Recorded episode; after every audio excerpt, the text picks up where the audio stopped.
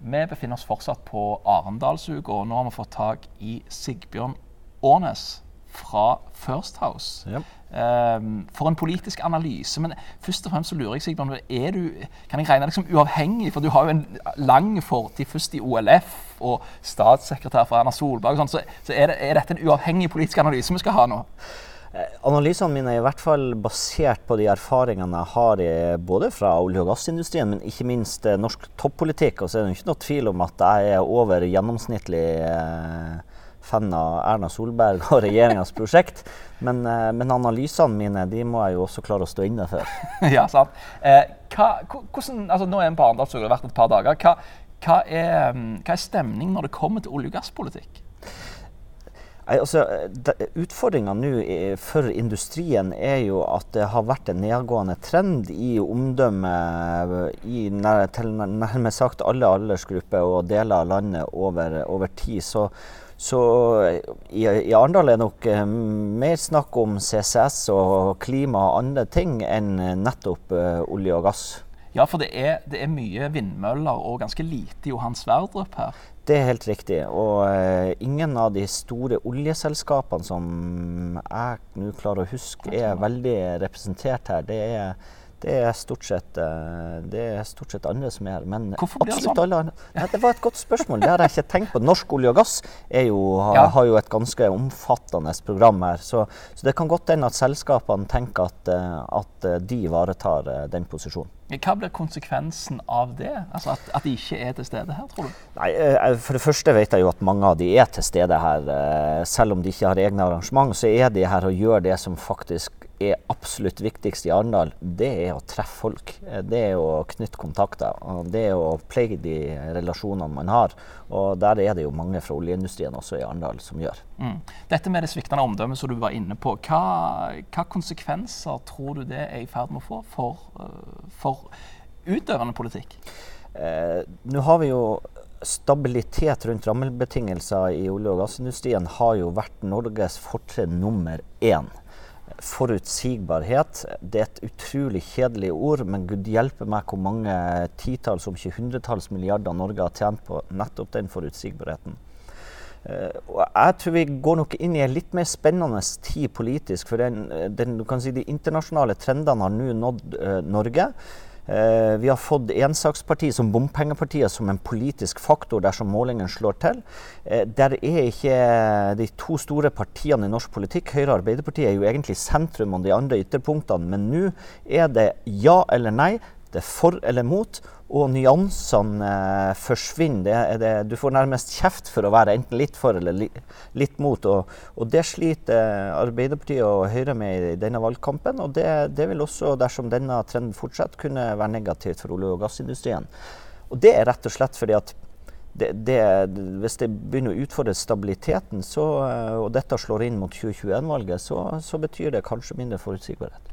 Blir partiene dratt, altså De store partiene blir det dratt i begge retninger. for På den ene siden så ønsker de jo å utvinne olje og gass, de ønsker pengene. Samtidig så, så ønsker de å fremstå som klima, eh, klimavennlige og, og, ta gode valg for framtida. Går de i spagaten? Eh, ja, men, men, dette er de store partienes hverdag. Det, det er hele tida å finne også indre kompromisser i, eh, i, vanskelige saker med, med flere sider. Så, så, dette er partiene vant til.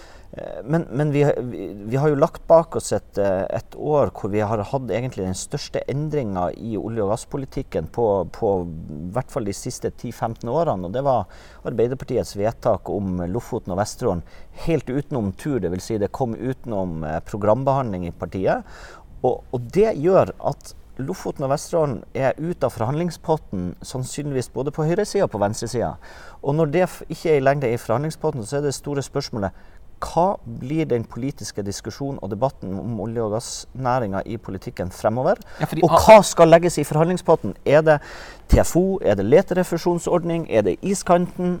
Hva er det nå som, eh, som, skal forhandles om når, når man skal uh, lage kompromisser om olje og gass? Ja, har, har, har, olje- og gassbransjen gitt fra seg den skansen, er det det du sier? Altså, og nå, nå må vi liksom nå blir det en ny, en ny, sak? Nei, det er nok ikke, jeg tror ikke det er så enkelt som at olje- og gassindustrien har gitt den fra seg. Men den har AUF eh, klart å få med seg Arbeiderpartiet gjennom et nitidig arbeid de siste ti årene. Så, eh, men nå har vi jo tida fram til 2021. Nå starter programbehandlinga i de store partiene. Høyre har satt ned sin programkomité. Det, det, er nå denne politikken skal utmeisles, og det er nå industrien må være til stede. Vite hva de vil, vil vite hvor de vil, eh, og, og jobbe med, med norsk politikk. Av de tingene du nevnte, hva tror du er mest sannsynlig at vil komme under, under angrep? Nei, altså jeg er ikke det, det, det, svaret har jeg ikke eh, i dag. Eh, og så vil jeg si at, at, det vi har sett siden etter Lofoten og Vesterålen falt på Arbeiderpartiets landsmøte, er jo, ikke, er jo faktisk at noe av den oppmerksomheten som nok olje- og gassindustrien har tatt, har flytta seg andre steder, f.eks. vindkraft. Eh, men det vi også har sett, er jo at, eh, at mens du kan si naturvernerne og klimaforkjemperne har holdt sammen de siste ti årene i kampen om Lofoten-Vesterålen, så har de også nå på en måte eh, bytta, Om ikke bytta lag, så har, de, så har de delt seg, spesielt i spørsmål om vindkraft. Og det, det, tyder kanskje på at vi får ikke en ny stor symbolsak, symboldiskusjon. Vi kan ende opp med å få mange små debatter. Mm. Eh, hva bør oljeindustrien gjøre for å, å, møte denne nye hverdagen politisk? Nei, man må, for det første, som jeg sier, så må man, være, man må forberede seg godt. Man må, man, må, man må, analysere hva er det hvor kan de politiske slagene stå. Og så må man jobbe ganske systematisk med både med kunnskap og ikke minst befolkninga. Enhver næring er over tid også avhengig av legitimitet i befolkninga, den må vi jobbe med hver eneste dag. Og, og hvis det blir store debatter og diskusjoner rundt, uh, rundt eh, rammebetingelser for oljeindustrien, så må man være på ballen. Eh, samtidig så viser jo en undersøkelse vi også akkurat har, har, gjennomført, at både unge politiske ledere og ikke minst unge næringslivsledere tror denne industrien ikke være, vil være like viktig bare om 10-20 år. Eh, sånn at det, der det er nok vi, vi, må også forstå at det, klima, det klimaengasjementet som er i yngre målgruppen, det, det, er et eller annet med at det virker som at det trumfer finansiering av velferdsstat, trumfer eh, bekymring for om man har en jobb. Så, så, så eh, vi, eh, vi, må, vi, må, klare å knekke en kode på hvordan vi skal få det til. rett og slett. Men er det bare så, mens de er unge og idealistiske, når de liksom kommer i posisjon og, og inntekter og utgifter må, eh, må balanseres, blir de, da, altså, blir de da mer avhengig av inntektene? Tidligere var vi vant til det, at når disse unge partiene eh, kom på Stortinget, så gikk de inn i partifold. Men nå ser vi jo at de er i ferd med å også ta over politikkutviklinga. Eh, og det tror jeg er noe av det man kanskje har eh, over tid vært for dårlig på. Som jeg vet Norsk olje og gass nå jobber på en kjempebra måte, men det er nettopp de, de yngre generasjonene. Eh, fra jeg satt i sentralstyret Unge Høyre med Ine Eriksen Søreide som leder, til syv av oss i det sentralstyret partiet satt i regjering, gikk det ti år. Og i løpet, eh, etter da ti år så var det to statsråder og vi var, tre av oss var innom statsministerens kontor, én innom finans, én var innom samferdsel, én innom Næringsdepartementet. Så det viser at det gikk sant, bare ti år fra vi var unge politikere mm. som egentlig ingen var så opptatt av, til vi hadde ganske stor innflytelse over landets politikk.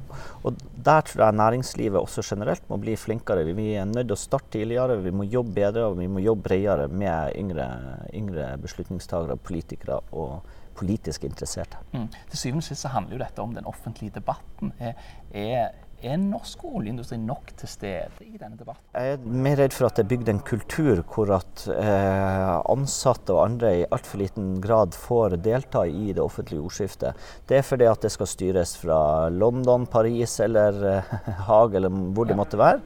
Eh, og det eh, jeg er usikker på om mange mange selskap er klar over hvor mye det har kosta over tid, og ikke i større grad bidra til at de ansatte og, eh, og flere profiler, som også er yngre, deltar i, i samfunnsdebatten. Så, så er, det, er, det, noe man virkelig burde gjøre veldig raskt, så er det å sørge for at flere faktisk eh, er synlige og til stede. Ja, For det er jo 170 000 som egentlig ikke er til stede i den offentlige debatten? da. Ja.